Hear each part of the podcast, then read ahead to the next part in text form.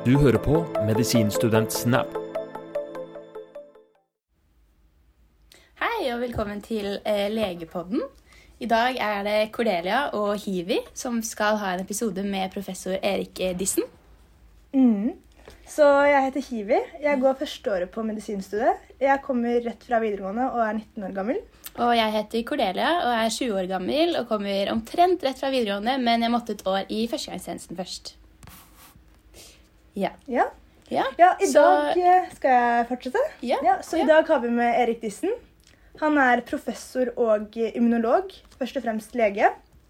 Vil du fortelle meg Eller vi kan starte med Ja, hvem er du? Eh, Ja, du har jo sagt noe. Jeg, eh, jeg er eh, litt uforberedt på det spørsmålet, egentlig. Nei, altså hva skal jeg si om meg selv? Jeg har uh, studert her i Oslo uh, og har egentlig vokst opp i Oslo, gått på skole i Oslo, gjort det meste egentlig. Uh, og så har jeg, etter at jeg var ferdig utdannet, så har jeg vært i turnustjeneste i Molde og i Fræna kommune. Og som vel nå heter Hustadvika, tror jeg. Og så har jeg vært forsket ved siden av studiene og tatt fri fra studiet. Og egentlig vært ved Anatomisk institutt og ledet en forskningsgruppe som jobber med NK-celler eh, siden den gangen. Så egentlig Ja. Mhm. Og hva er egentlig NK-celler?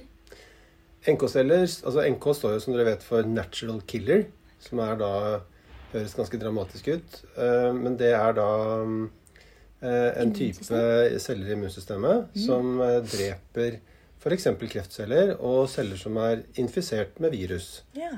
Så f.eks. under koronaepidemien så er det sånn at det første som skjer når immunsystemet skal eh, angripe de cellene som har fått virus i seg, det er at NK-cellene oppdager det og går til angrep. Ja. Og så kommer disse langsomme B- og T-cellene etterpå. Men da du, eh, du forsket på studiet, gikk du forskerlinjen? Ja, Det het ikke forskerlinjen den gangen, men man kunne ta permisjon et år fra studiet. Og så fikk man noe penger fra Forskningsrådet til å gjøre det. Og så forsket jeg da ved siden av studiet til jeg var ferdig. ja. Jeg har et spørsmål før studiet. For eh, når er det du starta å studere medisin? Jeg startet høsten 1984. Ja. Mhm. Og da var det rett fra videregående, eller? Nei, da hadde jeg et år hvor jeg gikk på realfag på Blindern og studerte matematikk og astronomi og programmering. Vi hadde Den gangen var det andre programmeringsspråk enn det som er nå, da. Vi programmerte i Simula og Fortran og sånne ting. Okay. Syns du det var annerledes å være eh, en sånn type student på UiO i forhold til å være medisinstudent? Jeg syns det var veldig forskjellig. Og jeg kan si at eh, det å være student på et veldig stort emne, sånn som grunn, grunnemnene i matematikk og sånne ting, hvor vi var 600 stykker på forelesning, og jeg syntes det var vanskelig å bli kjent med noen Det å begynne på medisinstudiet da, det var veldig, veldig deilig, egentlig. Vi var bare 150 stykker, det var bare ett kull i året. Og man ble veldig fort kjent med folk, og det var egentlig mye hyggeligere. Det var litt mer sånn som vanlig skole, egentlig. Og jeg trivdes veldig godt med det. Jeg likte det godt. Ja. ja, for det føles ut som det er veldig godt tilrettelagt når man går i sånn profesjonsstudium. på en måte, At det, det er veldig sånn, Du føler at du blir på en måte tatt eh, hånd om. Ja. Ja, At det er noen som venter på deg ja. til å møte opp og Ja. gjøre det du skal. og Mm. ja, Obligatorisk oppmøte, da. Det er jo ikke det, Alle studier har jo ikke det. Nei, at det ligger en baktanke ved ting. Mm. måte. Sånn, å, det er derfor vi har LSB. Eller sånn, ah, Ja. ok. Ja. Mm. Men da du gikk på videregående, var du veldig sikker på at du skulle bli lege? Altså, Hvis jeg skal gå tilbake til hvor det hele startet, så Ja, tror jeg det det, var sånn at da jeg var liten, så var jeg litt sånn nysgjerrig person. Og så fikk jeg en bok som het 'Medisinens pionerer'. Og den handlet om sånne som, eh, som kokk og pastør og sånne ting, som oppdaget de første bakteriene, og som liksom gjorde de første eh, nyvinningene på vaksinering og sånne ting. Og det syns jeg var veldig morsomt og veldig inspirerende. Og så fikk jeg et mikroskop som jeg satt og så på ting i, og sånne ting. Og så tror jeg nok hele veien at jeg har liksom tenkt at eh, det hadde vært morsomt å være lege. Ja. Eh, Men om jeg var sikker altså det, det var jo vanskelig å komme inn, så jeg visste jo liksom ikke helt hvordan det skulle gå. Men jeg hadde det som mål, ja. Ja. okay. mm. Har det alltid Altså, Medisinstudiet i Norge er jo ikke lett å komme inn på. Var det vanskelig i den tida å komme inn på studiet, eller var det Ja, det var jo det. Det var jo det vanskeligste studiet å komme inn på. Ja, Så det har alltid vært sånn? Alltid vært sånn, ja. Ok. Mm. Ja. Jeg ser du har en fin bokhylle her, men har du eh, den boken eh, Den ligger hjemme. Ok, I bokhyllen? Ja, Ja. det står framme. Men tror du kanskje at det er der eh, immunologi begynte å blomstre? Det at kan det var såpass tidlig? Det kan hende. Ellers Ja. så tror jeg også det har å gjøre med at eh, jeg hadde Sigbjørn Fossum som mm. foreleser, og. Ja. han syns jeg var den beste foreleseren vi hadde den gangen. Og jeg hadde han i histologikurs også, og jeg syns det var fryktelig gøy. Og jeg liksom gikk til Sigbjørn og spurte han da, har du noe forskningsprosjekt som jeg kan være med på. Mm. Eh, så det var litt tilfeldig. Ok. Det gøye er at eh, vi går i førsteåret nå, og vi vet jo også hvem Sigbjørn Fossum er. Fordi han var eh, LSB-læreren vår i slutten av blokk 1. Ja. Så vi hadde han Og Ja. det var Det var litt hans kult. siste Det var hans undervisningsdag. siste. Ja, siste Ja. dag som da, det- før han ja. mm, Det var hans siste undervisningsdag, og vi var, det siste, vi var den siste gruppa han skulle ha. Så Det det var var jo perfekt, fordi det var vår siste sånn, statistikkgruppe også. Ja, før Så det var en som hadde bakt kake. Eh, Det og det hadde stemning. masse godteri og sånt, så det ble jo en feiring av han også. Ja, vi Ja. sa at det var på av ham. Ja.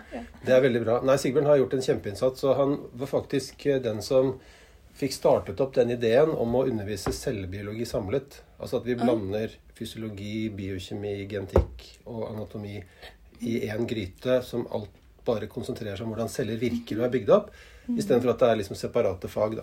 Og det er vi veldig fornøyd med. Vi syns det er mye mer logisk, for da, da henger ting sammen ut fra cellen, og ikke ut fra hvem, hvilken adresse de som underviser det, har. Ja, for mm. vi har jo cellebiologi nå, Mm. og det er veldig deilig at ting er ryddig. Mm. Vi Det vet er hva veldig som strukturert skjer. og oversiktlig. Mm. Vi har jo uke, tem, uke, temauker. Ja. Ja. så det er veldig strukturert. Men når var det det skjedde, den endringen? Nei, dette, dette startet vel egentlig på starten av 90-tallet, og så har det blitt raffinert mer og mer siden da. Ja. Så dere vet at vi la, har jo laget ny studieplan flere ganger, og Oslo 96, den studieplanen, var ganske radikal. Da, da lagde man Da var da problembasert læring kom inn, ikke sant? Og så, man, så stykket man opp studier slik at man hadde tematisk eh, undervisning, slik at f.eks. man ventet helt til syvende semester med å lære om nervesystemet, for da hadde man også nevrologi og øye og øre og sånne ting. Når vi lagde 2014-planen, så gikk vi bort fra det igjen, fordi vi så at det var ikke en Vi fikk ikke det så godt til, rett og slett. Så Er det ikke noen sånn spirallæring vi har nå? jo, altså spirallæring det er jo at man kommer borti det samme temaet flere ganger. Mm. Og sånn det fungerer nå, er at du lærer først om hvordan kroppen virker normalt. Og så kommer du tilbake til det når du skal lære om sykdommer, og så kommer du tilbake til det igjen når du får pasienter som har den sykdommen. Så på en måte så kommer man borti det samme flere ganger fra forskjellige vinkler, da. Skjønner. Mm. Hadde du LSB da du gikk på studiet, eller? Nei, da hadde vi ikke så mye gruppeundervisning. Da hadde vi noen få sånne lærerledde kollokvier. Så dere har mye mer eh, gruppeundervisning. Og for å si det sånn, vi bruker mye mer ressurser på dere enn de brukte på oss. Ja, for jeg er egentlig veldig glad Ja, det er vi veldig glad for. Det, altså, jeg hadde ikke klart meg uten de LSB-ene. Eller, jeg syns det å bare se på forelesninger er tøft nok. Ja. Så det å bare gå til en gruppe, og at det er en lærer der som er kvalifisert til å si mye, Ja. Mm. det er veldig deilig. Er For da får jeg bare spurt alt av det jeg lurer på. Mm. Ja. Ja. Ja da, dere er nok ganske privilegert. Hvis du ser på også andre studier på Universitetet i Oslo, så er det nok sånn at det at du får lov å jobbe i smågrupper på ti og ti studenter, det er nok ganske bra. Ja, for jeg har en venninne som går odontologi nå i Bergen, og Mm. de er jo sammen med medisin, og de har ikke LSB ut ifra det jeg har skjønt. De har PBL, men det er ikke veldig ofte. Nei. Nei.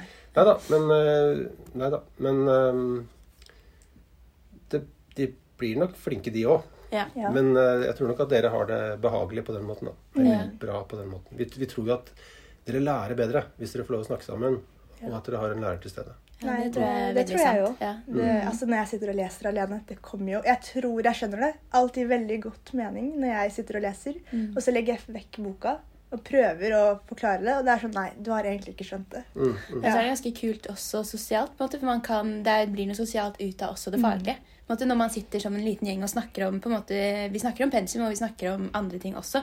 Men det blir på en måte mm, Du kan koble inn det faglige i Ja. det sosiale. For vi er jo samme LSB-gruppe. Det er Ja. sånn vi ble kjent. Ja. Og da det ble satt sammen de LSB-gruppene, så var vi på Sundvolden. Ja. Og det er der vi ble kjent. Og det ble ganske bra stemning med gruppa. Veldig god stemning med Så en jeg tror nesten det sosiale gjør at det faglige blir bra. Mm. Ja. Ja. Det er også en ting. Ja.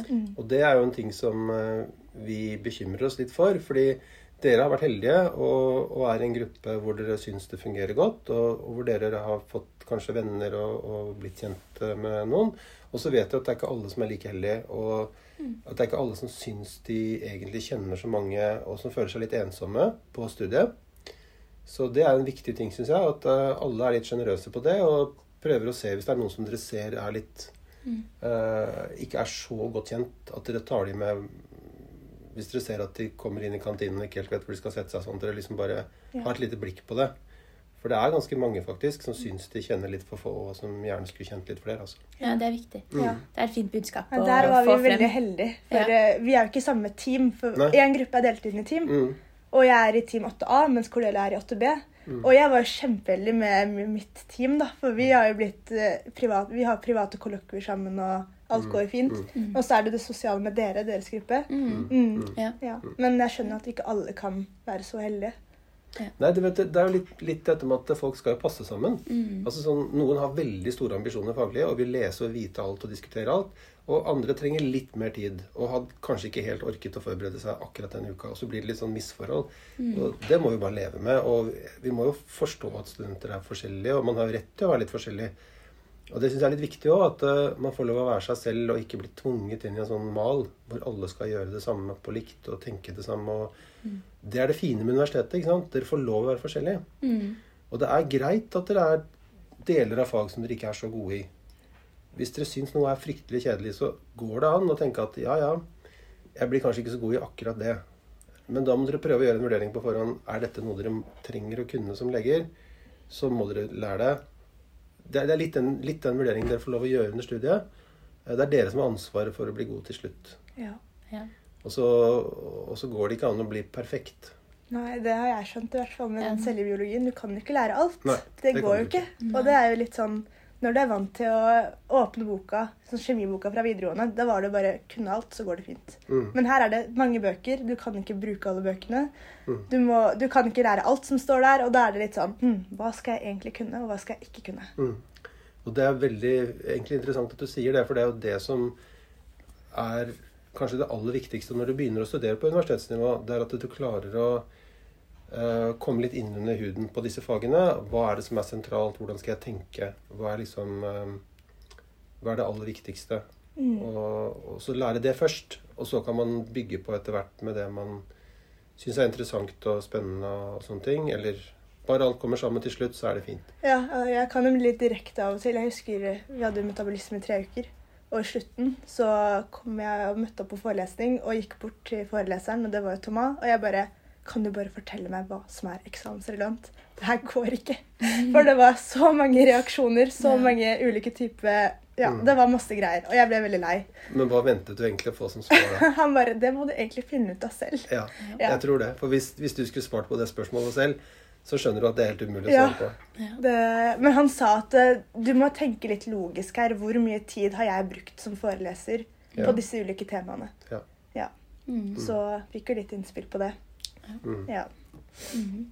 Men apropos det å tenke selv og sånn. Hadde du X-film? Da du eh, Ja. ja, du har hatt X-film? Mm, ja. ja, hva syns du om det, egentlig?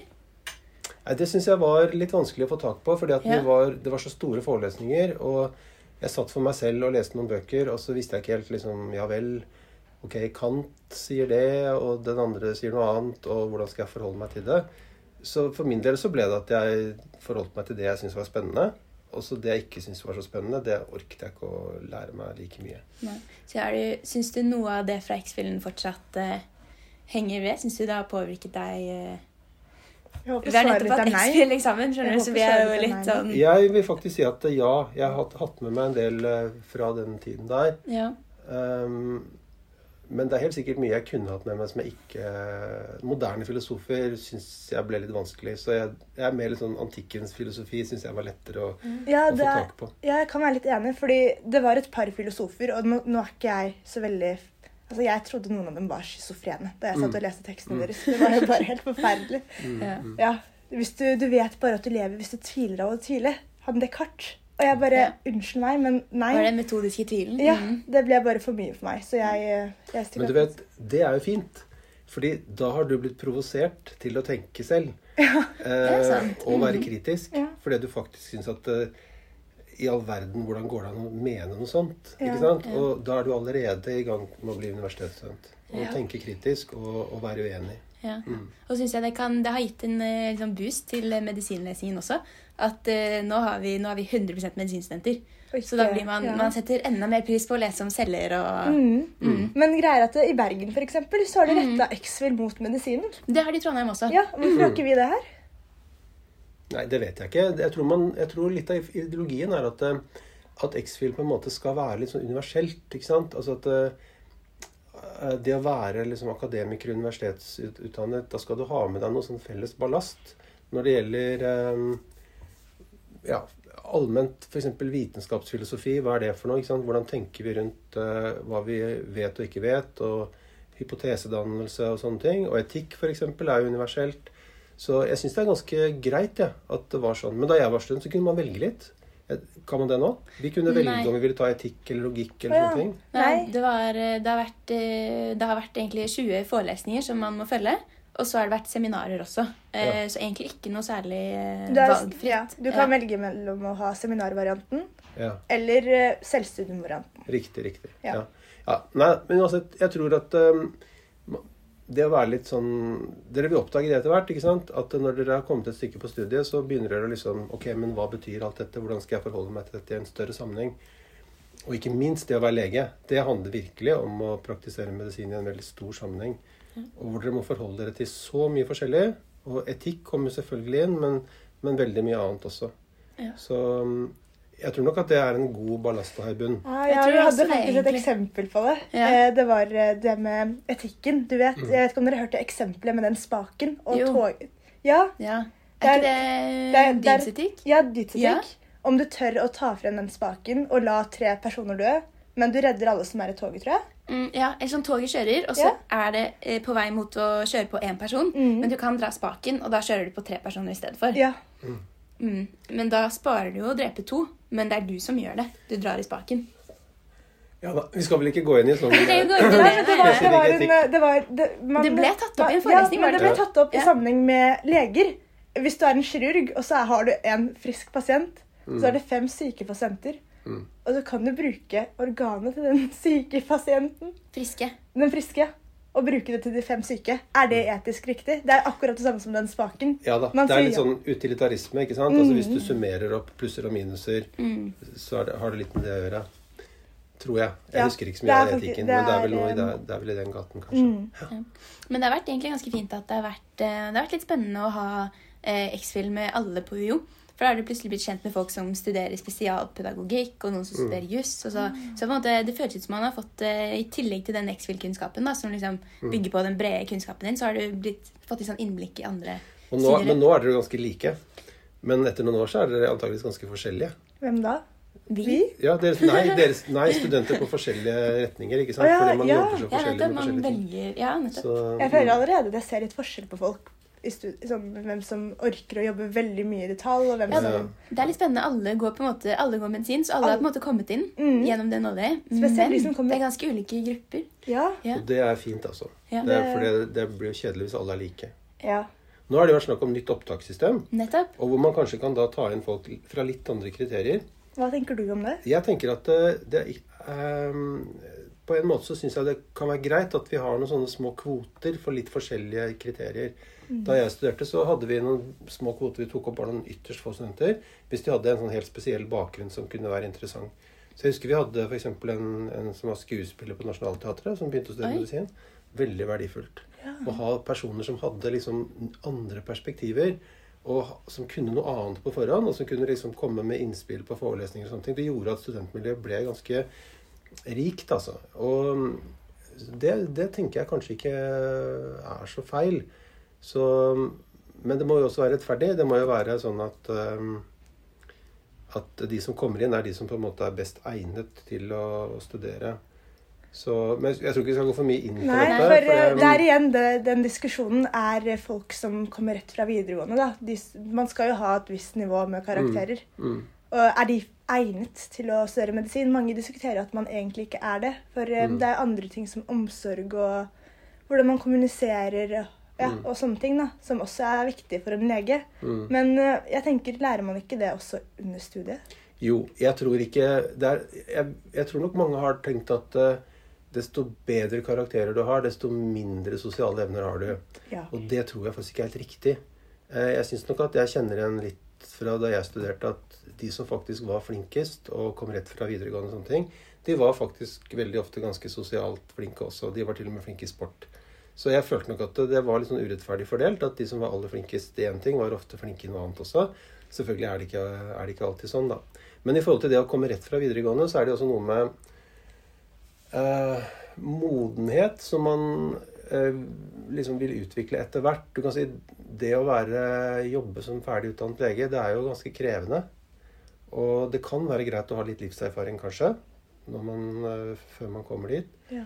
Så jeg tror ikke det er noen krise om man har ett år eller to før man begynner heller. Da har man kanskje også et perspektiv på studiene som, som er eh, ok. Men, men jeg syns nok det kan være greit om man, at man tar bort alderstillegget. For jeg tror ikke det er noen fordel i seg selv Ja. å, å være liksom eldre. eldre. Men uh, hvis man kanskje har gjort noe annet i mellomtiden, så kanskje det er bra. ja. For jeg kom jo rett fra videregående, så jeg har jo null livserfaring. Mm. Men, Ja, du har eh, vel litt livserfaring? ja, men ifølge Anne Spurkland så har jeg null livserfaring. Ja.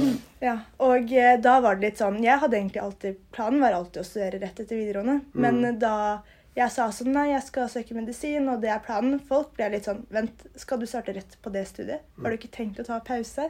Men jeg følte ikke på noe personlig behov for å ta pause. Nei. For jeg er ikke noen sånn folkehøyskoleperson eller hvordan er de? voksne barn. Da. Ja da. Nei da, men vet du hva. Det er, eh, folk er forskjellige, og det skal vi være veldig glad for. Ja. Um, og ikke minst studiemiljøet blir mye morsommere hvis folk er litt forskjellige og har litt forskjellige tanker og meninger og ting de kan bidra med. ja. Mm. Ja. Det er veldig gøy med at eh, alle har litt sine interesser også på siden av studiet. Som for eksempel, Vi har en eh, artist som går på vårt kull. Hun var, Jeg hørte på radioen i dag tidlig, og da var hun intervjuet der. Um, Ja. ja.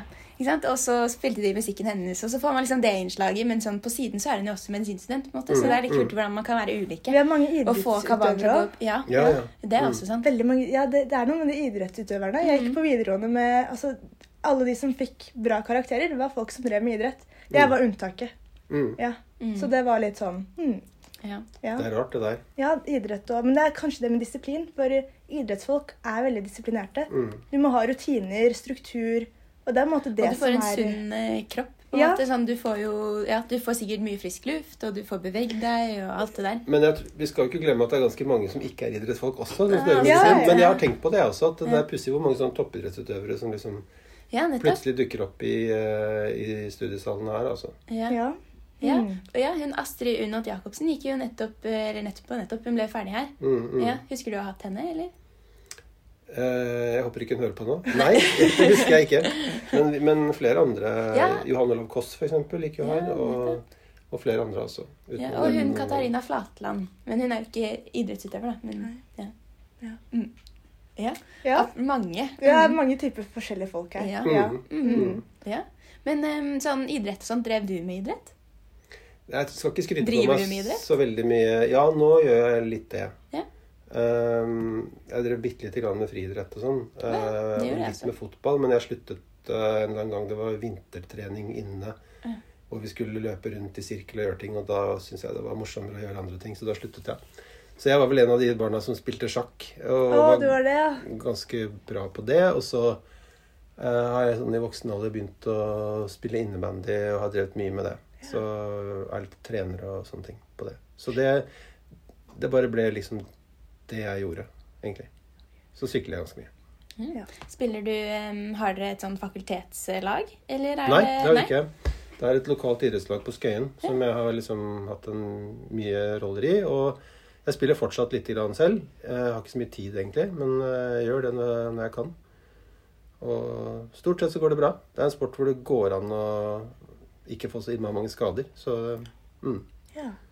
ja, jeg har et annet spørsmål angående studietida di. For um, da jeg hørte på podkasten til Herman, for han var jo egentlig den som starta opp medisinstudentsnap og Snap på den, så var det det med kullet. Hvor eh, bra det er med kullet sosialt, og at man har det samholdet. Så jeg var litt sånn hm, Hvordan er det vårt kull kommer til å bli når det gjelder det? Men hvordan var ditt kull da du gikk på studiet? Var det bra samhold? Jeg syns det var helt fantastisk. Eh, Jeg var nok litt heldig med det at jeg meldte meg på Vi lagde revy to ganger hvert kull da. Og jeg meldte meg på den revygruppa og ble veldig godt kjent med mange da. Mm. Og egentlig Jeg tror nok at, hvis det er lov å si det, at vi var en sånn gullalderkull hvor liksom bare alle var veldig gøyale eller et eller annet. Og vi hadde nettopp en sånn kullreunion også, faktisk, hvor vi traff igjen folk fra gamle dager. Og syns jo fortsatt det. At eh, jeg var heldig som gikk på det kullet. Ja, nettopp. Og eh, Vi skal lage, Det er vår tur til å lage revy nå til våren. Nettopp. Ja. Ja. Men eh, hadde du en skuespillerrolle, eller var du sånn eh, artist? Hadde du noe rap, eller hva? Nei, nå skal vi være litt forsiktige her. Hvordan var egentlig revyen da? For nå er det litt sånn Vi så jo på revyen til V22, var det? Mm, Ja, her om dagen. Og det var jo litt ekstremt. Vi var ikke så ekstreme, det kan jeg si med en gang. Eller jeg vet faktisk ikke helt hvor ekstremt det er nå, men jeg har fornemmet at det, har vært, at det er litt annerledes. Ja, du var intervjuet også i denne revyen. Ja, vi så deg på Du hadde en stor rolle, faktisk, Mhm. i årets revy. Jeg tror du ble bua på. Ja, det er sikkert meningen. Men eh, jeg Ja da. Men nei da, altså vi Hva skal jeg si? Første året så tror jeg jeg var med i lydteknikkavdelingen. Lyd og lys. Eh, også andre gang så var jeg skuespiller litt Nei, jeg var med første gang nå, faktisk. Stemmer det. Jeg var litt flere ting, jeg. Jeg har allerede tenkt litt jeg, på den revyen. Jeg har lyst til å være med. ideer, ja, Ja. sånn ideer til hva som kan gjøre at det blir litt gøy. Ja. Morsomt. Mhm. For du pleier ofte å være med. Ja. På, Altså, Det plager meg litt, da. At eh, jeg, jeg tenker at man skal være positiv og si ja når folk spør. Og så lurer jeg på om det blir litt mye noen ganger. Det, jeg tror det er veldig fint at du er med, egentlig. ja. Ja. Mm. ja. Ja. Du hadde jo en liten danserolle også på Dancing Doctors sitt Ja. eh, show. Ja.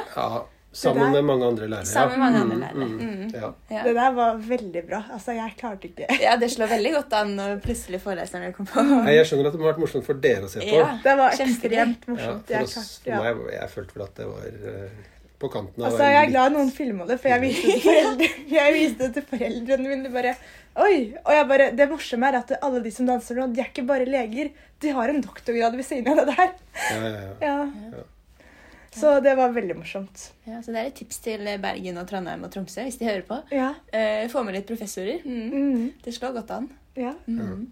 Nei, det er jo bra vi fikk litt innspill til den revyen, da. Ja. Har du, ja, var det, men eh, var eh, For det er en tendens til at det, hvis det er en dårlig revy, så blir det bua på. Ble dere bua på?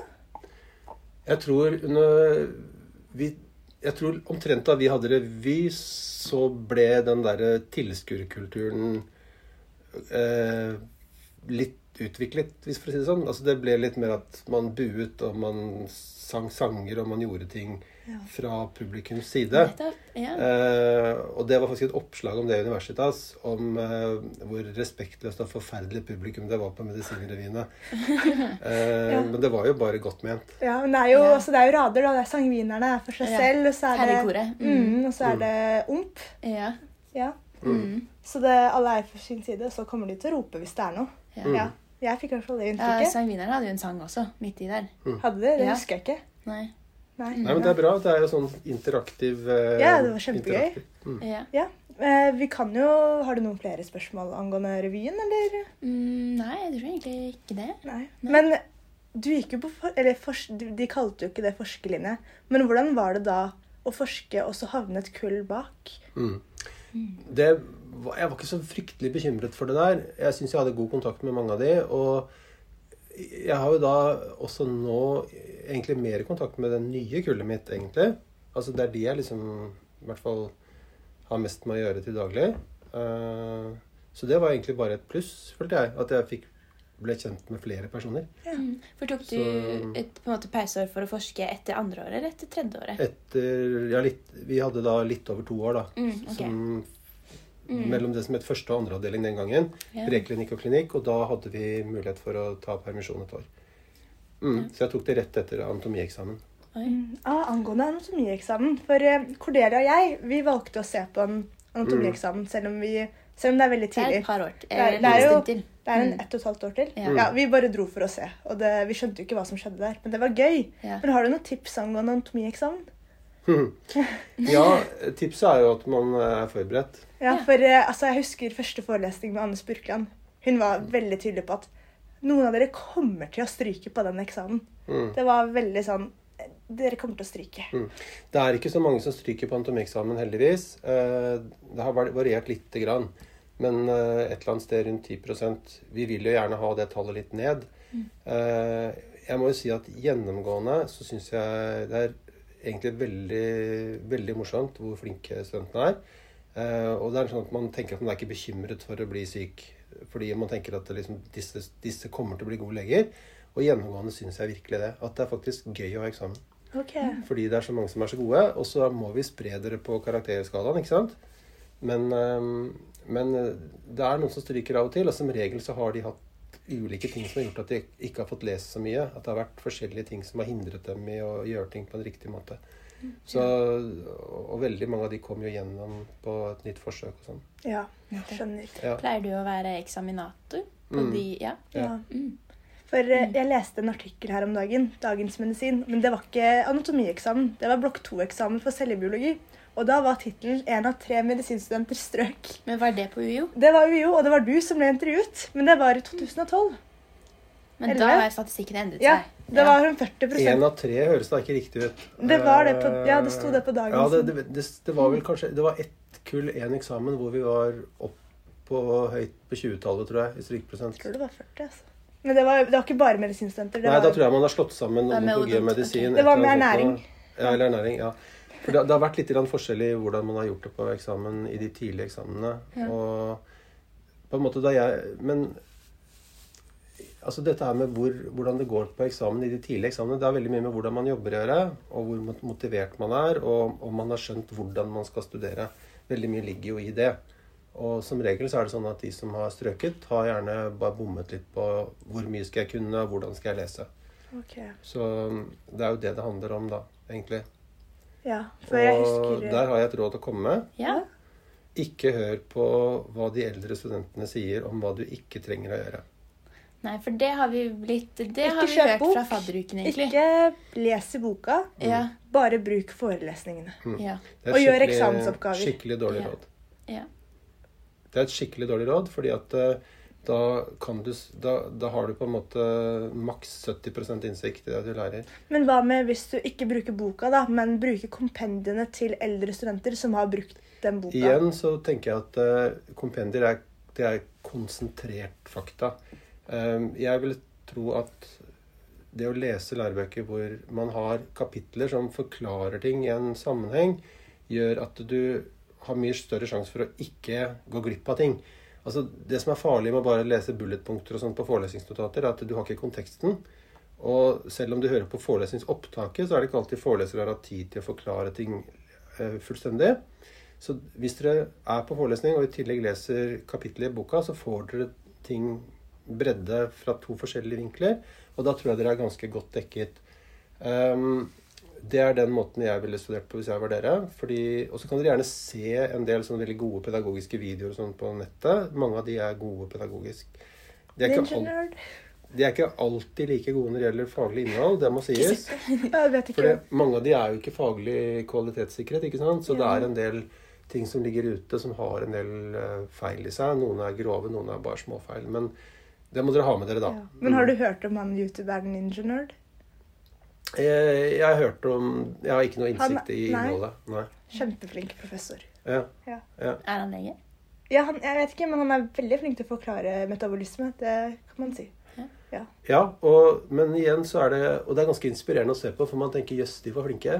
Og man kan lære litt av hvordan de forenkler, og hvordan de legger fram ting veldig systematisk og trinn for trinn og sånne ting.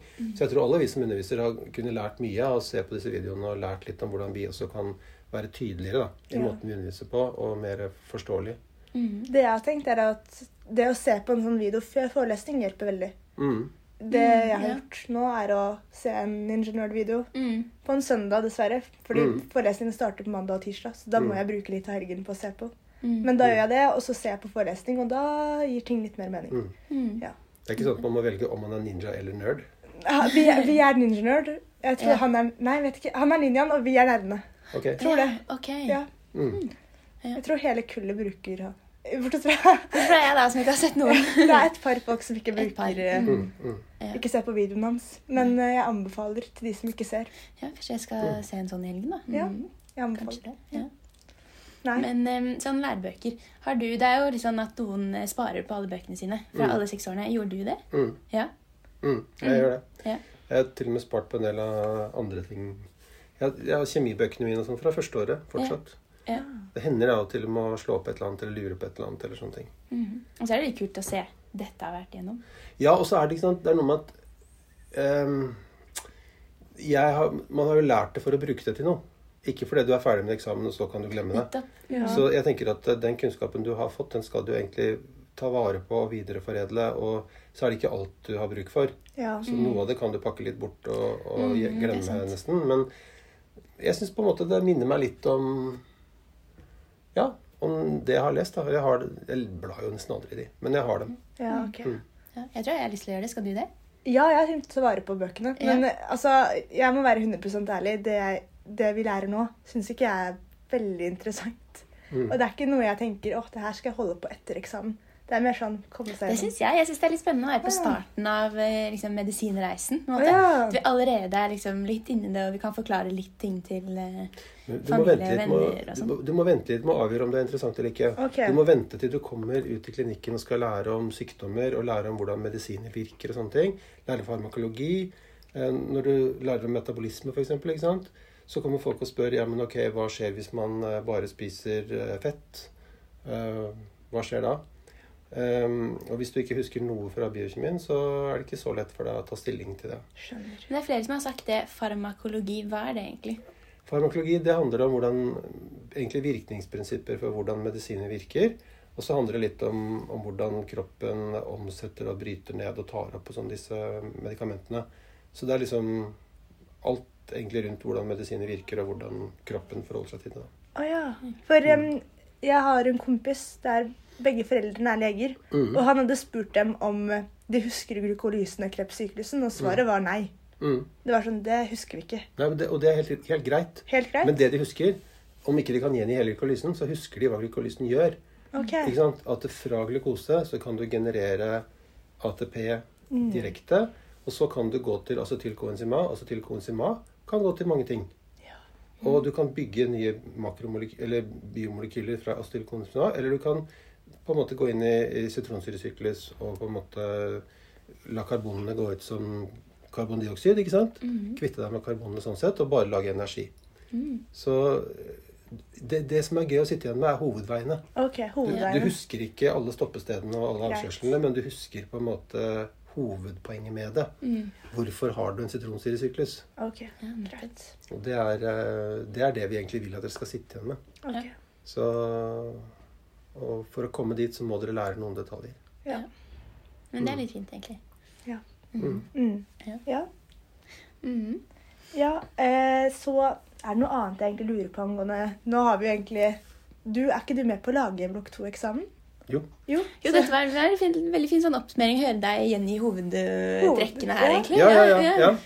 Mm. Det her er kanskje ikke så veldig relevant til de eldre studentene. det er det men ikke. det, Ikke- det, det er jo nytt kull som kommer nå. V23 starter jo. Mm. Ja. Ja, Og så er det sikkert folk fra Bergen eller Ja. utlandet som vil høre Mm. litt om hvordan vi har det med cellebiologien. Men sånn, Mm. når man har den eh, Heter det embetseksamen? Det man har siste året.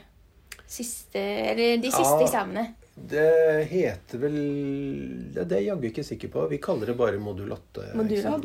Men, ja. eh, Det er der man tar Hender bilder med champagne og blomster. Ja. Ja, slutt, Gjerne i gangen på Ja. Rikshospitalet. Ja, ja. Mm. Hender det at um, man på en måte At du, man trekker inn noe fra sånn Ja, ja, så kan man jo bruke ATP. Hender det at man gjør det på en sånn stor siste eksamen? Eller er det på en måte da Nei, er det mye mer klinisk? Nei, det, da, er det, da er det klinisk, ikke Ja. sant? Men Mm. det handler om å forstå, da, ikke sant? Hvis du har et hjerteinfarkt, ja. hva er, hva er det egentlig som skjer? Ja. Jo, du har noen muskelceller som du vet hvordan ser ut i mikroskopet, for det har du lært. Mm. Og så vet du at du har kapillærer rundt dem, og så vet du at hvis ikke du får blodtilførsel fra ett lite, eh, en liten arterie, så får de ikke blodtilførsel fra noe annet sted, for det, det er det vi kaller funksjonelle endearterier. Og så må du tenke ok, hva skjer inni cellen når de ikke får oksygen? Okay. Hva er problemet? Mm. Jo, problemet er at du stopper å lage ATP Ja, fordi at eh, mm. elektrontransportkjeden stopper opp, ikke sant? Mm. Og så kan du danne noe ATP ved eh, anaerob eh, glykolyse, men du stopper opp der òg. Mm. Og etter hvert så vil cellen da slippe opp for ATP, og så vil den begynne å dø. ok. Det er akkurat Det var akkurat det du, det var det du sa på LSB-en. Det, var- det det er var ikke så dumt. Det var ikke så dumt. Nei, det er bakhistorie. Vi Ja. snakka akkurat om det du snakka om. Mm. Og da sa Cordelia.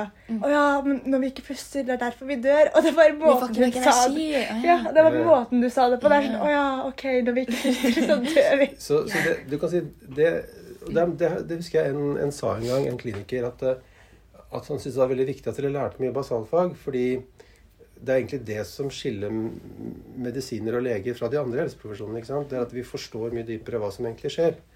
Og jeg tror at det gjør deg bedre i stand til å vurdere hva som skjer da med en hjerteinfarktpasient som plutselig blir kritisk mye verre. Hva skal du gjøre? Eh, skal du gi dem mer oksygen og puste, eller skal du gjøre noe annet for å åpne blodpropper i hjertet? Du? Det, er, det er liksom å forstå mekanismene. Da, du, da er du mye bedre rustet da, til å improvisere og til å forstå hva du skal velge å gjøre. Det er ikke bare at du har pugget en sånn algoritme. Hvis det er sånn, skal du gjøre sånn. Men du forstår hvorfor det skal være sånn. Og du kan ta avgjørelser basert på at du skjønner hva som skjer. Og det er derfor vi lærer dere basalfag. Skjønner. Ja. Nå ble jeg mer motivert. Ja, nettopp. Det er fint, det, det Ja. her. Mm. Mm. Ja. Nei, men eh, angående Nå kom jeg på noe helt annet, da. Men foreninger. Var du noe opptatt av det da du gikk på studiet? Ja, jeg var med i Svartord. Å, er ikke det den hemmelige? er ikke det den hemmelige? At det er hemmelig at man er med. Ja, det er sånn Ja. veldig eksklusiv Fordi dette hørte vi at Hvilken hun eh, oh, Hva heter hun igjen? Elisabeth? Nei, Astrid. Astrid. Astrid, Hun som er, var færre enn deg. Astrid Almås. Ja, Ja, Mhm. hun hadde vært med der også. Men det var litt sånn hemmelig. ja, vil du si noe? Men ja, det er sikkert greit å Altså, jeg tenker at det, eh, Jeg, jeg syns det er veldig fint at ikke alt er kjent, eh, faktisk. Fordi det er jo Det er noen ritualer og sånne ting, da. Ja. Eh, og noen ordninger og sånne ting. Men ja, om det er så veldig hemmelig, vet jeg ikke. Men Altså, Hvis du ikke syns det er hemmelig, så er det bare å pøse på. ja da. Nei, altså det er jo Jeg tror det er godt kjent at man må tas opp etter en sånn opptakssøknad. Og ofte får man ha anbefalingsbrev fra andre og sånne ting. Av hvem? Nei, det må helst være fra noen som har vært medlem av Svartfjord. Kan vi bruke deg? Ja. Er, det, er du fortsatt medlem, på en måte? Ja, altså du vet, du er alltid medlem. For Ja. at uh, når du har vært medlem av Svartår, så går du over til å bli noe som heter gamlekar. Mm. Og da er du egentlig Men jeg er ikke veldig aktiv, da, for å si det forsiktig. Okay. Mm. Men da har vi et lite innsidetips her, da. Mm. Gå til Erik Dissen hvis du trenger. Ja, nei, det, det tror jeg ikke vi trenger å si. Men, men det er i hvert fall Og så var jeg vel med i um, Jeg var ikke med i Medisinforeningen, men jeg lagde, arrangerte vårball for Medisinforeningen. Ah, yes. ball med dekorum. Så det, det var veldig gøy. Og det, det syns jeg var morsomt. Hva er det man gjør da, egentlig? Nei, det er ganske mye jobb. Altså, du skal uh, ordne med lokaler og på en måte alt som skal skje med hvis man skal ha noe musikk eller underholdning eller sånne ting. Og så den gangen så Jeg vet ikke om det er sånn nå. Får dere medaljer fortsatt? Eh, Ja. Fordi, Fordi man broren måtte min sy mm, alle disse medaljene. Nettopp. Men det er vertinnen sin oppgave. Ja, for oss var det vel egentlig hele komiteen som gjorde det. Ja, nettopp. For det er litt rart at eh, jeg har skjønt, da, fordi broren min er i ballkomiteen Mm. Han er nå Nei, han har, har vært vert, er han i år. Mm. Ja. Um, og da var det sånn at han skulle fikse med lokalene. Mm. Så Legenes hus og så Den militære samfunnet. Mm, mm. Mens vertinnen skulle fikse medaljene. Ja da. Nei, er, Sånn, man har arbeidsdelinger, selvfølgelig. Mm. Nei, men Det var morsomt, og ganske mye jobb, altså. Men det Mm. var uh, gøy å være med på det. Mm. Skjønner. Hvis du hadde eh, Pleier du forresten å gå på ballene? Nei, ikke lenger. Jeg, Nei. Gjorde, det, jeg gjorde det litt grann i starten, og så følte jeg vel at uh, Ja. Ja. At det, det var ikke alltid jeg følte at det var naturlig å være med på det. ja. Mm. Hvis du hadde gått, da, hadde du hatt et sånt uh, må, altså, Markerer du at du har? Ja. Mm. Altså, jeg, jeg skal ikke Jeg syns det var morsomt med medaljer da jeg var 25. Jeg vet ikke om jeg syns det nå, men jeg hadde sikkert hatt det på meg. Ja. Jeg har de fortsatt. Ja. Ja, ja. Men Er det sånn at førsteårsstudentene er det de som drar på ballet, eller er det hele studiet? Jeg tror det er alle. Oi, det er mange folk. Det er det. Men så har man jo i løpet av andreåret så har vi skilsmisseball fra tannlegen også. Så Ja. det, det var nettopp Var dere med for tannlegene? Nei. Nei. Nei. Mm. Mm. Det, er for, det er om et år for oss. Ok, Ja. Mm. greit. Mm. Så H21 hadde det nettopp. Skilsmisseball. Ja. Var det gøy? Eh, tror det. Vet ikke. Mm. Det vi hadde, som jeg syns dere skal begynne å ha igjen, det var juleball. Det var Men kjempehyggelig. det høres veldig koselig ut. Ja, Ja. det hadde vi på Soria Moria. Mm. Og det var sånn at um, det var fakkeltog fra T-banestasjonen opp, og så var det uh, Ja, rett og slett uh, Det er litt sånn rett før jul, ikke sant? Det er litt sånn Det er veldig si, stemning, Julestemning ja. og Kanskje snø litt og Ja, ja, ja. ja. Snø var det alltid. Ja. Og Litt, litt sånn som vårball, egentlig, men ikke fullt så formelt, da. Ja. Ok. Var det for hele studiet, Ja, eller var det, var kulis? for Ja. hele studiet. Okay. Mm, mm. Det syns jeg er noe vi kan dra i gang. Ja. Mm. Skal vi Ja. Vi kan tenke på det. Ja. Ja. Vi er jo på Ja. Mm, ja. Og så var det én ting til jeg lurte på. For eh, dette intervjuet her har blitt tatt på nytt. Har vi nevnt det? Det har vi ikke nevnt. Det har vi ikke er kanskje greit å si at vi eh, intervjuet jo eh, Erik Dissen i eh, oktober. Eh, og tok det opp med en mikrofon som eh, vi ikke helt innstilte riktig. Og vi hadde et litt dårlig Det var litt dårlig akustikk i rommet. Mm. Så vi har nå tatt opp denne episoden en gang til. Mm. Eh, ja. Og ja, vi brukte litt tid på den redigeringa. Og det tok litt tid å sende til Herman, som er veilederen vår. Men vi innså at det beste var egentlig å bare gjøre det på nytt. ja, Vi ville få en ganske god lydkvalitet for eh, dere som hører på. Ja, Så at dere kommer tilbake og hører på de fremtidige episodene. Ja, for det kommer flere. Mm, det gjør det. Men eh, ja, er det noe mer du lurer på egentlig, Cordelia? Mm, For, har eh, du Det jeg tenkte på, var Jeg husker veldig godt at vi snakka om deg, som var en skippertakstudent. Mm. Ja.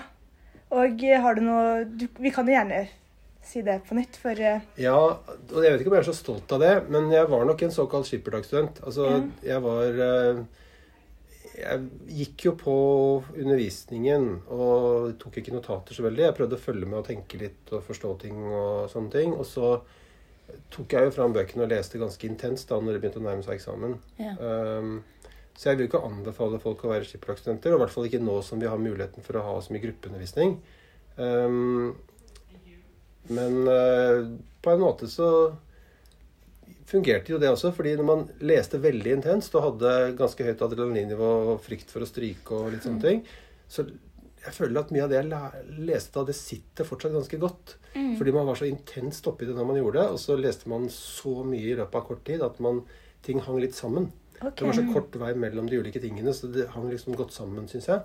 Og så hadde jeg tross alt bakgrunnen at jeg hadde gått på forelesning, så jeg hadde liksom grunnpunktene der.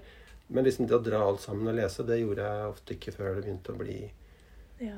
For det liksom. adrenalinet du nevner, Mm. det, hadde, det har ikke jeg så veldig ofte. For jeg er en av de som jobber jevnt med Mm. fag. Ja. Så uka før vi har hatt vår første eksamen, det var i oktober, så var jeg jo bare gikk turer og Det var en helt normal uke for meg. Mm, Litt mm. fri òg, fordi jeg hadde liksom jobba jevnt og gjort det jeg skulle. Ja. Men uh, jeg kunne liksom tenkt meg at adrenalinet hadde hjulpet litt. For man blir litt sånn passiv. Sånn rett før eksamen så var jeg litt sånn Ja, jeg skal ha eksamen i morgen, og jeg føler meg egentlig litt sånn Mm. Orker jeg egentlig å ha eksamen? Ja, nettopp. Ja, nei, jeg tror det Men ikke sant, dette er jo også en sånn der arbeidsform man tar med seg videre. Eh, og jeg skal jo innrømme det at eh, sånne søknadsfrister i Forskningsrådet sånn, de blir ofte skrevet ferdig ganske nært mm. deadline. Og, mm, men sånn er det mange andre også som har det. At det er så tungt og vrient å jobbe med at man kvier seg litt, og så utsetter man det litt. Og så når man endelig føler at nå må jeg gjøre det, så har man liksom, da er man klar. Da har man liksom gått alle rundene og liksom gjort alle de tingene for å utsette det, og så må man liksom bare gjøre det. Kanskje en gylne middelvei er litt sånn nettopp Ja. å finne en middelvei, da. En finne en middelvei. Mm, Ja, jeg det. skulle ønske jeg klarte, klarte egentlig det, men eh, ja. Sliter nok litt med den personligheten fortsatt. Fortsatt nå som forsker òg? At du tar litt Ja, forskning er annerledes, og forskning er gøy. Ah, OK.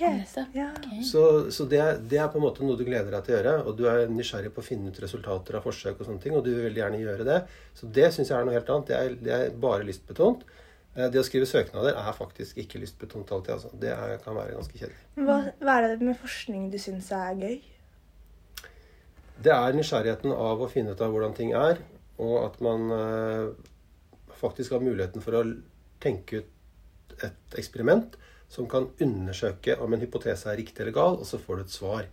Og det kan være at du ser noe komme opp som et bånd på en sånn gel som du fremkaller, eller det kan være at du ja, du får en måling som du kan liksom tolke, og så kan du bekrefte eller avkrefte en teori. Eller den gangen jeg starta å forske, så, så var jo ikke liksom arvestoffet kjent. ikke sant? Man hadde ikke sekvensert genomene og sånne ting. Så jeg jobbet med å finne gener for reseptorer på overflaten av NK-celler. Og det var jo veldig sånn eh, pionerarbeid på en måte, og fryktelig morsomt når du klarte liksom å finne sånne reseptorer. Ja, for var ikke det humane genomet ble ikke det, Var ikke det starten av 2000? Ja, Ja, 2000, var det ikke det? Var det ikke det? Ja, Jeg husker ikke akkurat datoen, men det var i hvert fall 2001-2002, Ja. tror jeg, at man fikk Ja. på plass Du kan si Det humane genomet er faktisk ikke 100 ferdig ennå. For det er sånne små områder som er litt sånn vanskelig å forholde seg til. Mm. Og dessuten så er det jo faktisk også mennesker forskjellig genetisk.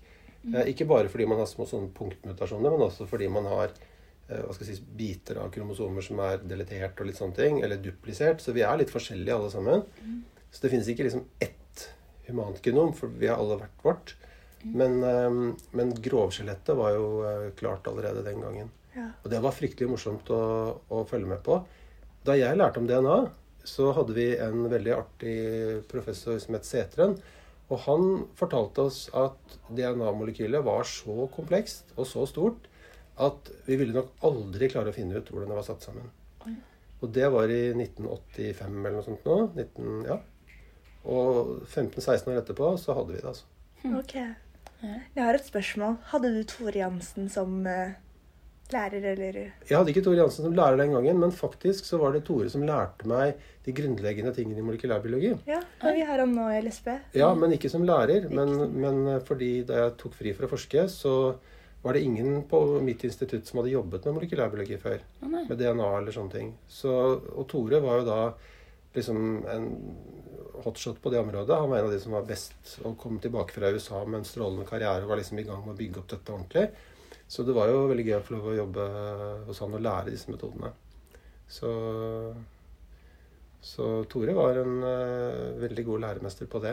Og jeg husker han jobbet steinhardt. Han hadde campingseng på kontoret og, og Det kan kan vi liksom, ta Vet du hva, det eh, kan jeg faktisk forestille meg. Ja. en av de som virkelig var uh, stjernene i norsk forskning. Wow. Privilegert Det er kult. Ja, og så har vi han i morgen i LSB. Mm. Det er spennende. Mm. Mhm. Ja. Nei, så nå har vi jo snakka litt om studietida di. Og eh, jeg husker veldig godt at vi prata litt om turnuslivet ditt.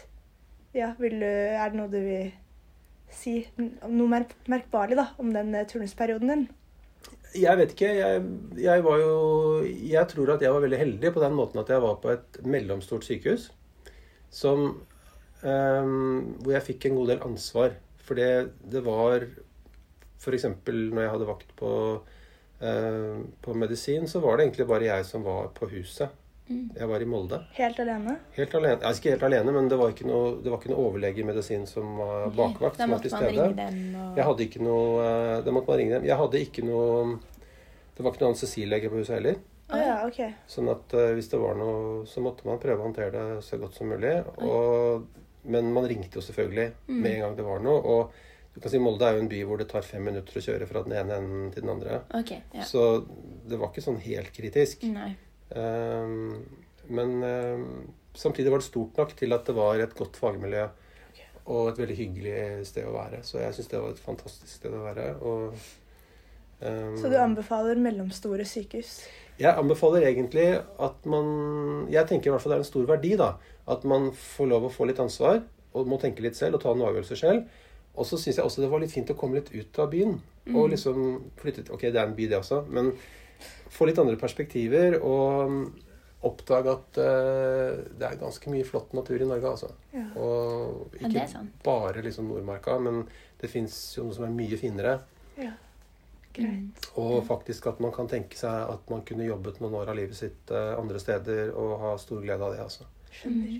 Så det, det tror jeg, selv om man har sett bildene av at Norge er fint, så er det faktisk du opp, Når du kjører legevakt om natta ikke sant, og er ute over disse flotte stedene hvor du ser liksom snødekte fjell og kysten og hjort som går på enga og liksom sånn, det er, det er ganske fint, altså.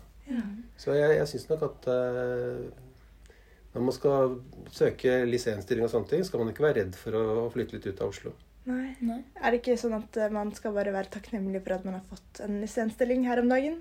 Ut ifra ja, det jeg har lest, så er det jo ikke lett å få lisens. Nei da, det er, eh, det er jo mye vanskeligere det. Da jeg var student, så fikk jo alle turnusplass. Det var ikke noe problem. Man trakk et nummer, og så Ja. fikk man velge Så den som fikk det laveste nummeret, fikk, fikk velge først. Skulle ønske det var Og du sånn fikk et ganske lavt nummer. Ja, Ja, jeg gjorde det. Så jeg var vel nummer syv eller åtte eller ni eller noe sånt. ikke sant? Ja. Så da valgte Er det ikke noen mulighet for at vi kan få tilbake den ordningen?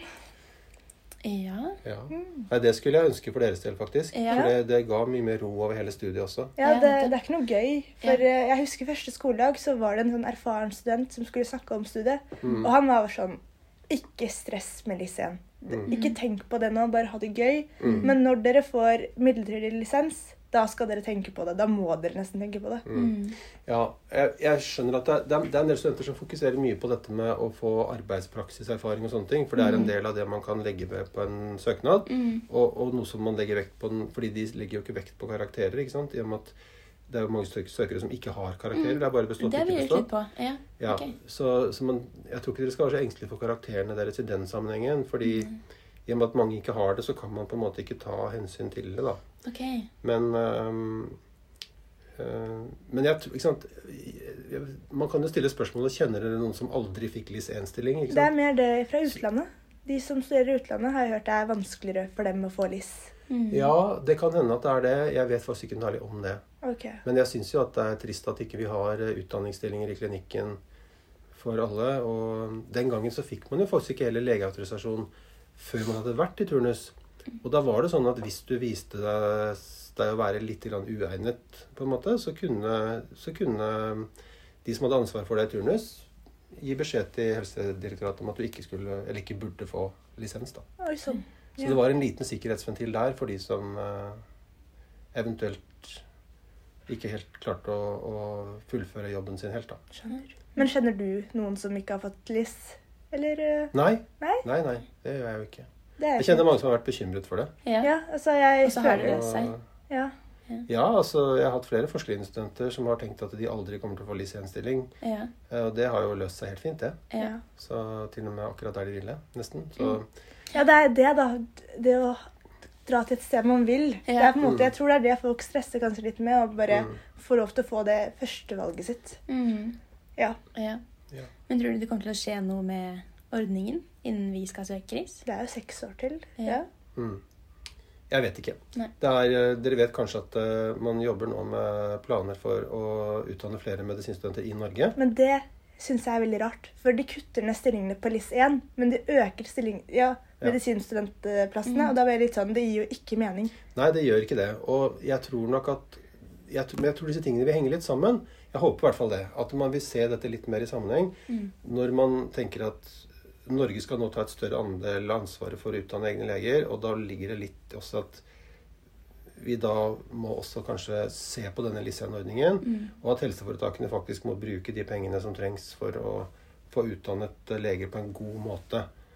Så vi slipper at folk uten LIS1 går ut og tar vikariater eh, Ja. steder hvor de ikke får ordentlig strukturert opplæring. og. Ja, det er veldig kjipt Ja. Mm. Alltid får høre at man trenger leger, og at Mm, det er ganske mm. viktig yrke, og så Mm. står man uten jobb. Ja, så er det jo rart dette her at uh, hvis du har en bil, så må den inn til EU-kontroll hele tiden. Ja. For at det skal være trygt å kjøre i trafikken. ikke sant? Men, Mm. men som lege så har du fått ferdig full autorisasjon når du er utdannet og nesten ikke har praktisk erfaring. Mm. Ja, det Så jeg syns det er rart. Ja. mm. Mm. Mm. Ja. Det er ikke ja, det er ikke noe vi kan gjøre noe med, men uh, Nei, Vi får se hva som skjer. Kanskje det endrer seg. ja, Mm. kanskje det. Ja. Kanskje vi skal ha lyst Kanskje det er vi som skal endre på det også. Mm. Ja. Mm. Vet aldri. Ja, men vet du ikke. Ja. Nei. Nei, men eh, det Ja, har jo gått altså- veldig fint å ta dette intervjuet en gang til. på en måte. Ja, det var veldig interessant. Jeg føler at det ble et veldig ulikt Veldig intervju. annerledes. Ja. Det tror jeg ble veldig fint Ja, også. jeg har et Mm. siste spørsmål, Ja. og det er det å balansere livet med medisin. Ja. Mm. Ja, hvordan, eh, Har du noen tips der? For jeg har hørt at leger veldig ofte er de som jobber ganske mye i samfunnet. Det er vanskelig å balansere familielivet med medisinlivet. Mm. Noen tips? Jeg er fristet til å si at man ikke skal gjøre sånn som jeg gjorde, men eh, det er Kan vi høre hva du gjorde? Nei da. Men eh, jeg tror at eh, Men jeg, jeg tror at man, må, man må finne en balanse. Det må man. Og det er ikke alltid at det er feil å jobbe mye, men det må være sånn at det ikke går på bekostning av overskudd og energi. mulighet for å interessere seg for hva skal vi si, familie, kjærester, barn, andre ting. Altså, man, man, det er noe som heter å, å bli utbrent, da, ikke sant? Og det er at man kanskje da har vært veldig dårlig til å fylle på med de andre tingene som gjør at man blir et sånt helere menneske på en måte, og blir mer fornøyd med det som skjer. Og så er det også selvfølgelig å ta vare på alle rundt en selv, og ha tid til det. Ha tid til å kanskje utvikle seg personlig, ikke bare jobbe, men kanskje lese noen bøker eller se noen filmer eller oppleve noe nytt som gjør Ha at du kanskje interesser og sånn, kanskje. Ja. Mm. ja, ha litt sånn interesse Ja, på siden. ikke sånn. sant? At man har tid til å holde på med litt andre ting som gjør at man uh, ikke stivner i en sånn uh, På et, et utviklingstrinn, da. Ja. Hvis det er lov å si det. Men samtidig, hvis du jobber med noe du er veldig glad i, da, Mm. blir man egentlig utbrent? Nei, ikke nødvendigvis. Det, det, tror jeg, det tror jeg du er inne på nå. At så lenge du føler at det er eh, Hvis du liker den jobben du har? Ja, og at ikke presset blir sånn at, at du føler at presset tar overhånd. Så tror jeg nok at eh, det kan være, kan være veldig greit. Og, og så lenge man har det gøy, så har man jo, kan man jo holde på med ting. Ja. Folk som liker å pusle puslespill, de kan jo sitte og holde på med det i timevis og føle at det er drømmen. Ja. Og, så det tror jeg er liksom eh, Ja. Mm. Dere skjønte ikke den, men Jo, jeg eh, skjønte det jo. Jeg skjønte Ja. ja, for det, ja, nei, men altså Av og til det der å drive med forskning, for eksempel, det er litt sånn å pusle puslespill. da. Og Ja. det er litt den der å fordype seg i noe, holde på med noe veldig sånn fokusert, ikke sant. Og så lurer alle andre på rundt hva i all verden er det du driver med. Kommer du ut av dette her? Ja. Og mm, Men jeg skjønner hva du mener. Det er, veldig, sånn, det er veldig tydelig at det har vært veldig mye mer spennende å lese på medisin enn å lese på X-Fil.